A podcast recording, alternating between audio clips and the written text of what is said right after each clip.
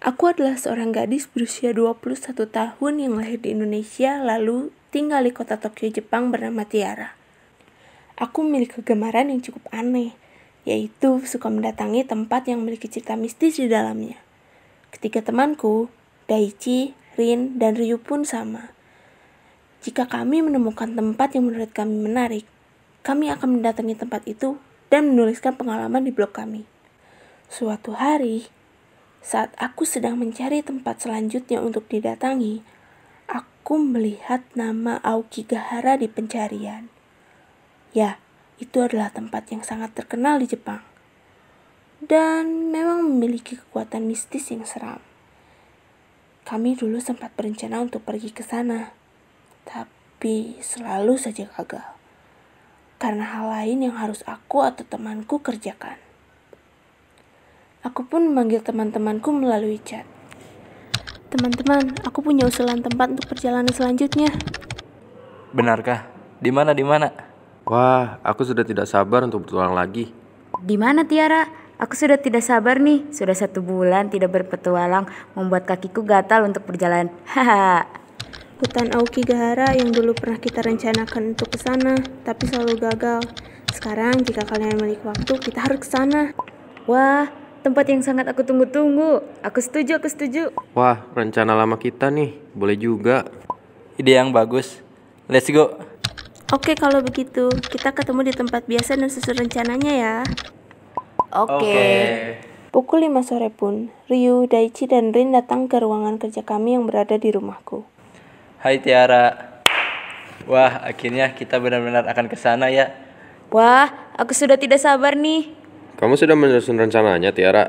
Aku sangat bersemangat sekarang. Sudah aku susun sih, tapi belum semua. Semoga saja kali ini kita benar-benar bisa pergi ke sana. Setelah selesai menyusun rencana dan menulis kebutuhan yang perlu dibawa, kami pun pergi ke rumah masing-masing dan mempersiapkan semuanya. Rencananya, kami akan pergi pada Jumat malam di minggu depan.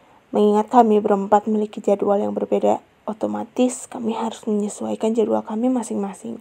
Dan karena Aokigahara adalah tempat yang cukup seram dan luas, jadi kami mempersiapkan semuanya dengan sangat matang.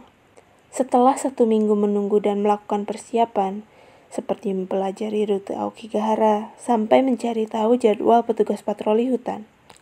Karena di Aokigahara selalu ada patroli setiap hari dan orang asing dilarang masuk ke hutan jika sudah malam, maka kita harus berhati-hati untuk pergi ke sana. Malam sebelum kami berangkat, aku dan teman-temanku berkumpul di ruang kerja untuk pengecekan barang. Teman-teman, kalian sudah menyiapkan semua kebutuhan kan? Sudah dong. Aku juga sudah. Aku pun sudah siap. Oke, kita absen dulu perlengkapannya agar benar-benar tidak ada yang tertinggal. Oke. GPS, Ada. center, Ada. kamera, Siap. handphone. Bawa. Kalian sudah catat nomor polisinya kan? Sudah. Pisau atau alat kejut? Hah, pisau? Alat pengejut untuk apa? Aku pernah mendengar di Aokigahara selain tempat untuk bunuh diri, di sana juga banyak sekali orang psikopat dan pemburu organ manusia yang berkeliaran. Jadi lebih baik kita waspada saja dan bawa alat keamanan yang cukup. Hmm, apakah cerita itu memang benar? Bukannya itu hanya rumor saja. Belum ada seorang pun yang benar-benar melihatnya kan? Kamu salah. Sudah banyak orang yang melihat sosok-sosok ini di sekitar hutan Okigahara. Makanya orang asing dilarang mendekat karena memang hutan itu sangat amat bahaya bagi keselamatan orang banyak. Hei, jangan buat aku takut seperti itu ya. Kenapa kalian mengatakannya saat kita besok sudah mau berangkat? Kalian mau mengerjaiku ya? Loh, aku kira kamu sudah tahu tentang cerita ini. Aku pikir kalian berdua memberitahukannya kepada Rio. Kalau seperti itu, mending kita cari tempat yang lain yang lebih aman dari Aokigahara.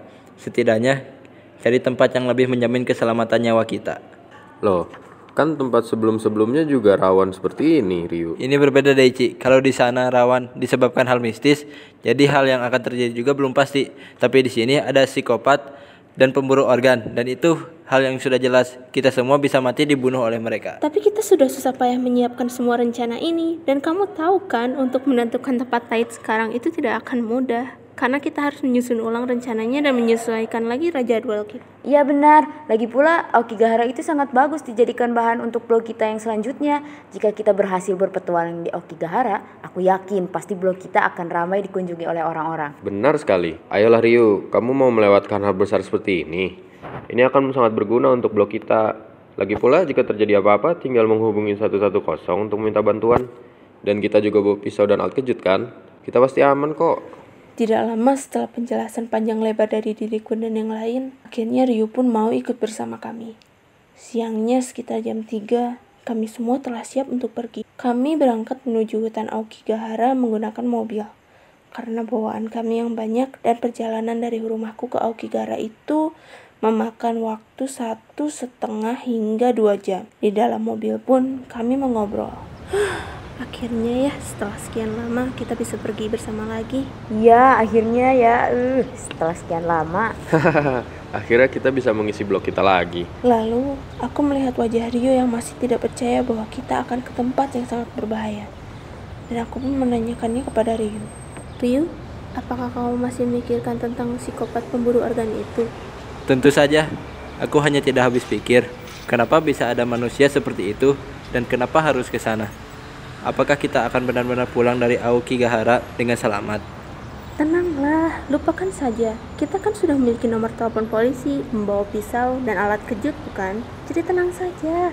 Iya itu benar. Sudahlah, jangan terlalu dipikirkan. Setelah itu, wajah resah Ryu pun sudah mulai mereda.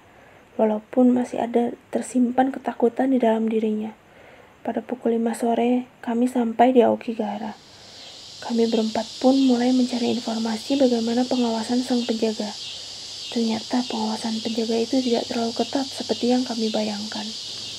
Oke, sekarang kita bisa bergerak masuk lewat jalan ini. Patroli hutan belum sampai ke sini pada jam sekarang. Kita harus bergegas masuk sebelum petugas patroli datang. Oke. Kami pun segera bergegas masuk dengan berjalan agak cepat. Setelah jauh dari pintu masuk, baru kami jalan dengan santai. Rio, nyalakan kamera.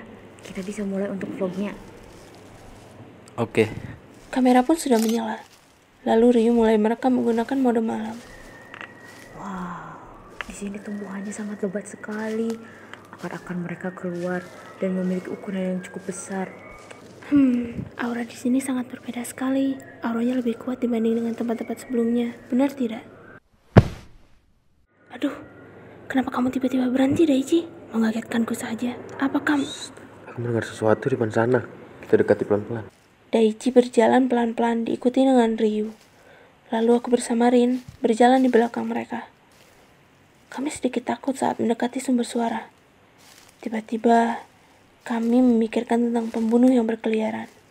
Setelah cukup dekat, kami pun melihat sumber suara tersebut dari monitor kamera kami melihat seekor anjing yang sedang menggigiti sesuatu di tanah. Hei Rio, coba kamu zoom sedikit. Aku penasaran apa yang digigit anjing itu. Oke.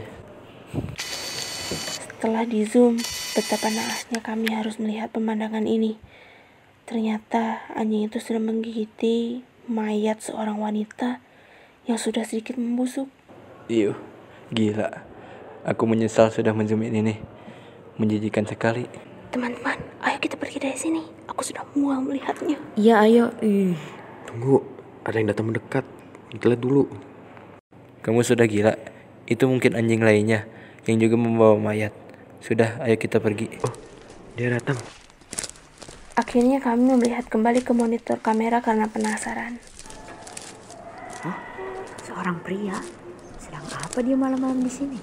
Apa mereka petugas patroli? Atau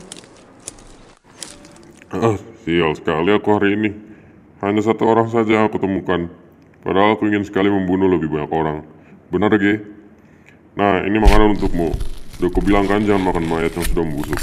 Makan saja ini yang masih baru. Mungkin rasanya lebih enak. Haha. Melihat kejadian itu, kami berempat pun sontak langsung ketakutan. Kami pun bersembunyi di balik pohon besar. Hei, cepat panggil polisi. Aku benar-benar takut. Dan juga kita harus segera pergi dari sini. Jika kita lama-lama di sini, kita juga akan mati. Sial, sinyal HP ku hilang. Aku tidak bisa menghubungi polisi. Menakutkan sekali, Mama. Aku ingin pulang. Shh, kalian jangan berbicara terus. Nanti si pembunuh itu mendengarnya. Siapa yang akan mendengar ini? Aku bilang si pembunuhnya nanti akan mendengar, jadi diamlah. Oh begitu ya, benar sekali. Aku mendengar kalian. Sedang apa anak muda seperti kalian berkeliaran di hutan malam-malam begini? Apa kalian yang bunuh diri juga? Jika iya, lebih baik kalian aku bunuh saja. Kami berempat pun teriak dan segera berlari menjauhi psikopat itu. Aku dan Ryu berlari ke arah kiri, sedangkan Daichi dan Rin pergi ke arah berlawanan. Ah, sudah kubilang, kita pergi dari ke tempat lain saja kan? Kalian benar-benar ingin mengantarkan nyawa di hutan ini? Iya, aku minta maaf karena sudah membantah ucapanmu. Sekarang kita lari sekencang mungkin dan cari petugas patroli. Aku dan Ryu pun terus berlari ketakutan, berharap menemukan seorang petugas patroli. Namun, kami tidak menemukan satupun. Tanpa disadari, aku dan Ryu sudah terlalu jauh pergi ke tengah hutan. Pada akhirnya kami tersesat. Selain itu, hari semakin gelap dan matahari telah terbenam. Seketika aku berpikir, apakah mungkin petugas patroli masih mau menjalankan tugasnya dengan psikopat berkeliaran? Bagaimana ini? Tidak ada satupun petugas yang kita jumpai. Coba kita hubungi polisi saja. Di sini tidak ada jaringan. Bagaimana kita mau menelpon polisi? Sialan. Tiba-tiba terdengar suara tangis dari kejauhan. Namun bukan karena sedih. Shh, apakah kamu mendengar itu? Ah, aku mendengarnya. Aku mohon, hentikan, hentikan. Rin, itu jelas adalah Rin. Aku selalu mengenal suaranya. Jika ia menangis seperti itu, sudah pasti si pembunuh ada di dekatnya. Lantas, di mana Daichi? Itu Rin Tiara. Aku tahu suaranya. Kita harus segera menolongnya. Aku tahu itu Ryu. Yang jadi masalah adalah bagaimana cara kita menolongnya. Tangis itu semakin keras dan semakin menyakitkan untuk didengar. Jantungku berdegup kencang. Ryu pun tidak membantu selain ikut bingung karena ketidakberdayaannya untuk menolong Rin. Aku pun sama. Tidak mungkin kami membiarkan teman kami terluka ataupun terbunuh. Tapi kami terlalu takut untuk melawan. Aku pun terdiam sejenak untuk memikirkan cara menyelamatkan Rin. Rio, kita harus mendekati suara Rin untuk tahu keadaan Rin dengan jelas. Iya, iya. Ayo cepat. Kami pun mencoba mendekati suara tersebut dengan cara mengendap-endap. Setelah kami cukup dekat, ternyata suara tersebut memang Rin. Rin sedang duduk dan mencoba menutup mulut dengan tangannya untuk mengurangi suara tangis. Dia terlihat tidak terluka, tapi aku tidak bisa memastikannya dengan benar. Yang mengambil perhatianku adalah si pembunuh yang sedang berdiri di atas seseorang yang tergeletak. Itu adalah Daichi. Di bagian perutnya terlihat darah mengalir. Dia tertusuk, bahkan pisaunya pun masih tertancap di perutnya dan masih dipegang oleh psikopat. Hentikan, Daichi, bertahanlah. Aku mohon, jangan lukai kami. Biarkan kami pergi dari sini, aku mohon. Dan kami tidak akan menceritakan kejadian ini pada Eh, siapa pun. sebenarnya aku tidak peduli kalian melaporkan aku. Tujuanku di sini bukan hanya membunuh saja. Aku ingin bersenang-senang, bukan begitu bocah? Kau senang kan bermain dengan... Rin, pergilah. Ya Rin, larilah Rin. Saat kau lari aku mengejarmu. Itu akan sangat menyenangkan, bukan? Orang ini benar-benar gila, psikopat dan apa pun itu di luar waras. Kalau begini, kita semua bisa mati. Aku merasakan Ryu menggenggam tanganku dengan erat. Ia bergidik ngeri dan tangannya dingin karena ketakutan. Aku pun memiliki ide dengan alat kejut yang kami bawa tadi. Aku harus berjalan dari belakang si pembunuh dan menyetrumnya dengan alat ini. Di kejauhan, Rin terkejut melihat kami dan menggelengkan kepalanya dalam diam, seolah mengatakan, "Jangan kemari." Aku pun menyimpan jari telunjukku mendekati mulut mengisyaratkan Rin untuk diam dan memperlihatkan alat kejut. Ia pun mengangguk. Aku berhasil menyetrum psikopat itu di bagian leher hingga ia terjatuh ke tanah.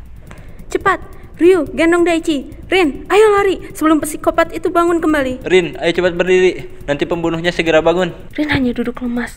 Dia masih syok dengan kejadian tadi. Tangan dan kakinya gemetar tidak bisa berdiri. Ayo cepat, Rin. Sadarlah, Rin. Aku tahu ini berat, tapi perjalanan kita masih panjang untuk keluar dari sini. Kumohon, sekarang kamu harus tegar ya. Ayo kita pergi dari sini. Baik, baiklah. Rin dan Ryu yang sedang membawa Daichi berhasil berlari menjauh. Saat aku akan berlari menyusul mereka, ada yang memegang kakiku. Ketika dilihat ternyata si pembunuh itu, dia berhasil sadar kembali. Mau mana kalian ini ah? Kalian sudah membuatku marah. Akan kubunuh kalian semua. Pria tersebut pun mengambil batu dan mengarahkannya kepadaku. Suara yang cukup keras, kepalaku mulai pusing, dan terasa ada air yang mengalir dari ujung kanan atas kepalaku. Tiara! Pergilah, aku akan mencegahnya untuk kalian. Cepat pergi! Wah, wah, wah. Kamu sangat pemberani sekali. Berusaha menjadi pahlawan untuk teman-temanmu, ha? Akan kubunuh kamu sekarang agar bisa bergegas membunuh mereka. Rasakan ini! Kembali menyetruminya dengan alat pengejut. Namun kekuatannya aku naikkan ke angka maksimal berharap dia akan mati seketika. Dan benar saja, dia langsung tergeletak di tanah dan tidak bergerak lagi. Akhirnya, dia mati juga. Aku harus segera menemui teman-temanku. Aku pun berjalan dengan sepoyongan, karena luka yang ada di kepalaku membuat aku pusing dan pandanganku kabur.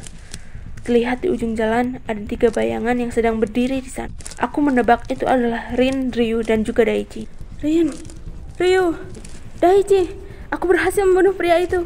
Aku berhasil. Ayo kita pergi dari sini dan mencari. Aku pun berhenti berjalan. Pandanganku semakin jelas karena jarak di antara aku dan mereka semakin dekat.